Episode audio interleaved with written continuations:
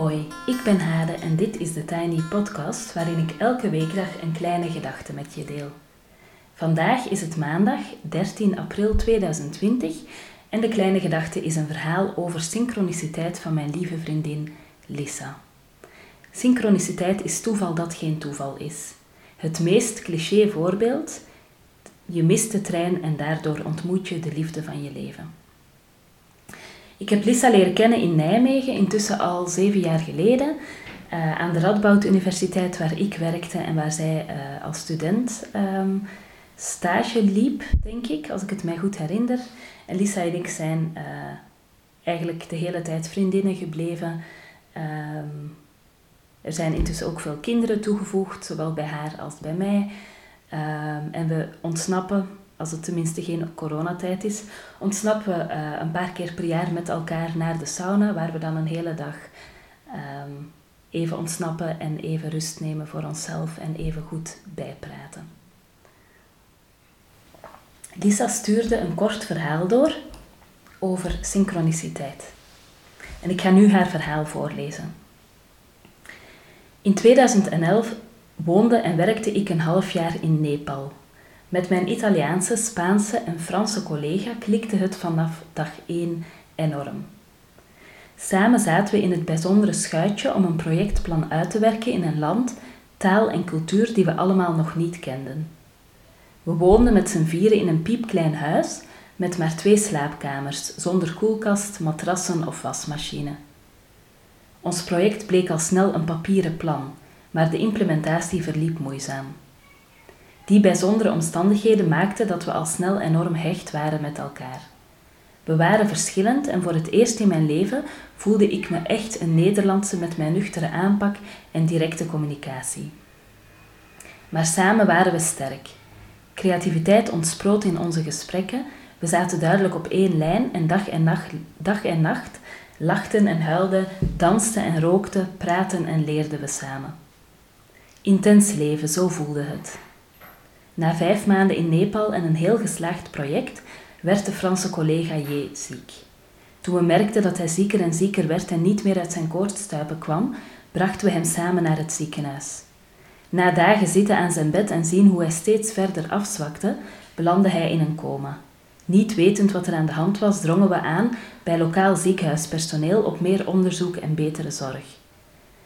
Met een beetje geluk wisten we hem overgeplaatst te krijgen naar een beter ziekenhuis in Thailand. En de dag dat hij in een ambulancevliegtuig opgehaald werd, weet ik nog zo goed.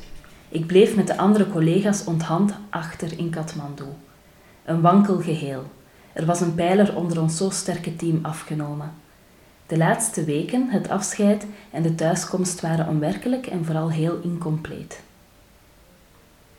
Een half jaar later reisde ik naar een revalidatiekliniek in Marseille. Na een lange reis en een dolle taxirit werd ik door een zuster naar de juiste kamer gebracht. Bijna onherkenbaar zat hij daar. Een stuk magerder, niet in staat om me om de hals te vliegen, geen grootse praatjes, maar toch onmiskenbaar J. Die blik in zijn ogen, vol energie en wilskracht, stelde me gerust. Zo nu en dan hebben we nog contact. Zodra er een berichtje verschijnt van een van mijn Nepalese collega's, veer ik op. Omdat deze vriendschap diep zit. Omdat dit Dream Team hoop, hoop geeft.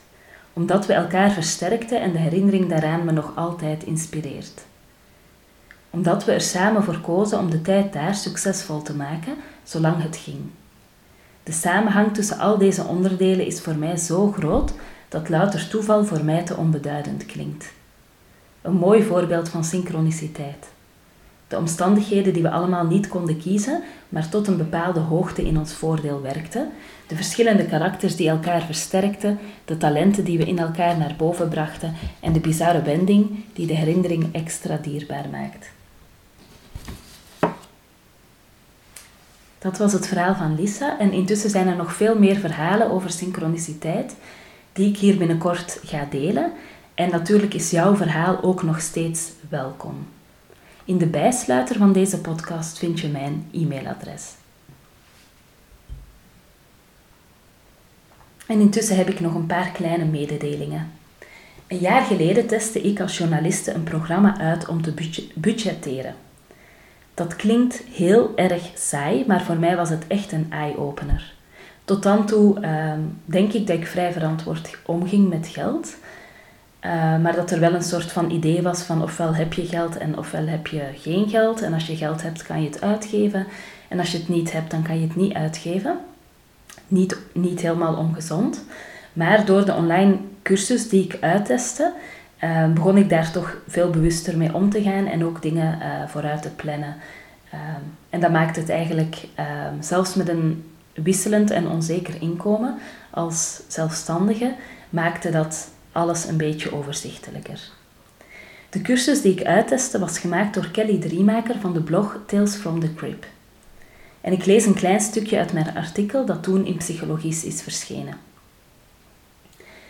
Het is leuker om je kop in het zand te steken en de kredietkaart vrolijk boven te halen dan om te besluiten dat je echt beter ochtends eens in de koelkast kijkt dan in dat hippe koffietentje te lunchen met een quinoa-slaatje.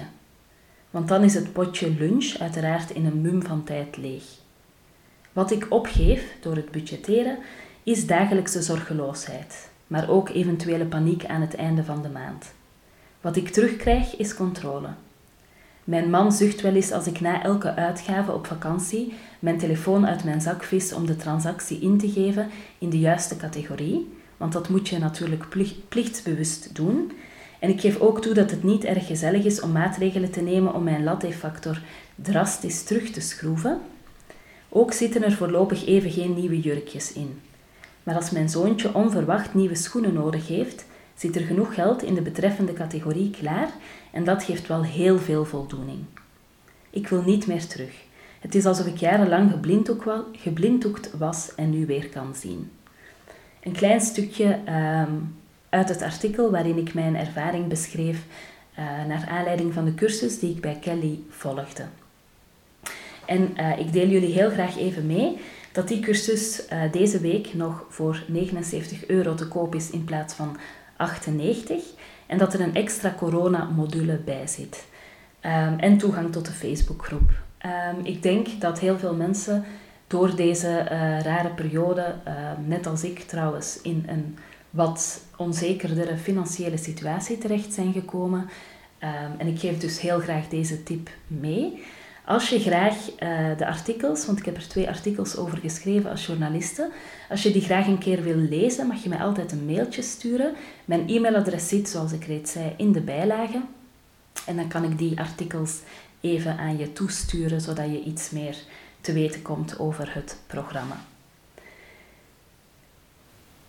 Um, ik moet denk ik daarbij ook nog even zeggen dat de um, cursus, als je die wil kopen, nu moet ik het even opzoeken, um, dat die cursus te vinden is op budgetterenvoorbeginners.be.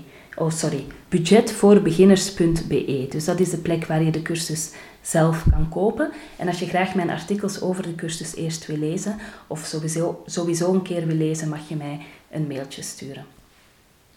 En dan is er nog één dingetje dat ik heel graag wil delen. De voorbije week heb ik voor het eerst een ochtendclubje gedaan. Wat is een ochtendclubje? Wel, dat is een online cursus van een weekje waarbij je elke dag een opdracht maakt online en elke weekdag ochtends van 7 tot 8 deelneemt aan een meeting via Zoom, dus een online meeting. En je, je vraagt je vast af, wie doet nu zoiets? Wel, we waren in totaal met 10 mensen.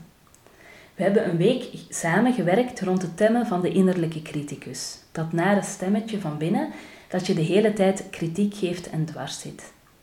Ik vond het zelf echt een heel bijzondere week met een heel mooie, fijne groep mensen. Um, en ik kreeg ook net wat feedback terug en daar wil ik heel graag een stukje uit voorlezen. De persoon die mij feedback gaf, die schreef het volgende. Al vanaf de eerste dag keek ik er echt naar uit.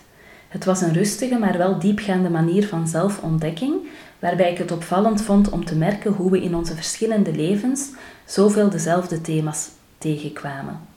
Ik vond dat echt heel waardevol, om ook van anderen te horen en van hen te leren. Verder voelde ik me helemaal vrij om te zeggen wat me bezighield en voelde ik me echt gehoord en gesteund. Waar ik anders nog wel eens me kan irriteren aan iets kleins, bijvoorbeeld het tempo of een andere persoon, en daar ben ik niet trots op, maar het is wel zo, was dat nu totaal niet het geval. Binnenkort komt er weer een clubje aan. Als je mij een mailtje stuurt, neem ik je op in mijn mailinglist voor mijn maandmail en dan hoor je alles over het nieuwe clubje dat binnenkort begint. En daarmee is de Tiny Podcast ten einde voor vandaag en morgen hebben we een gastgedachte. Je kan de Tiny Podcast op Instagram volgen via @thetinypodcast en je helpt me als je een review achterlaat of de podcast deelt met anderen. Voor nu wens ik je echt een ontzettend fijne, uh, vrolijke dag. Bijvoorbeeld aan die vroege luisteraar die altijd al voor half zeven ochtends geluisterd heeft. Ik weet niet wie het is, maar uh, even goedemorgen aan jou. En ook aan Karen die nu haar tanden aan het poetsen is. En aan Femke die nu langs het kanaal aan het wandelen is. En aan jullie allemaal. Dankjewel om te luisteren en heel graag tot de volgende. Dag!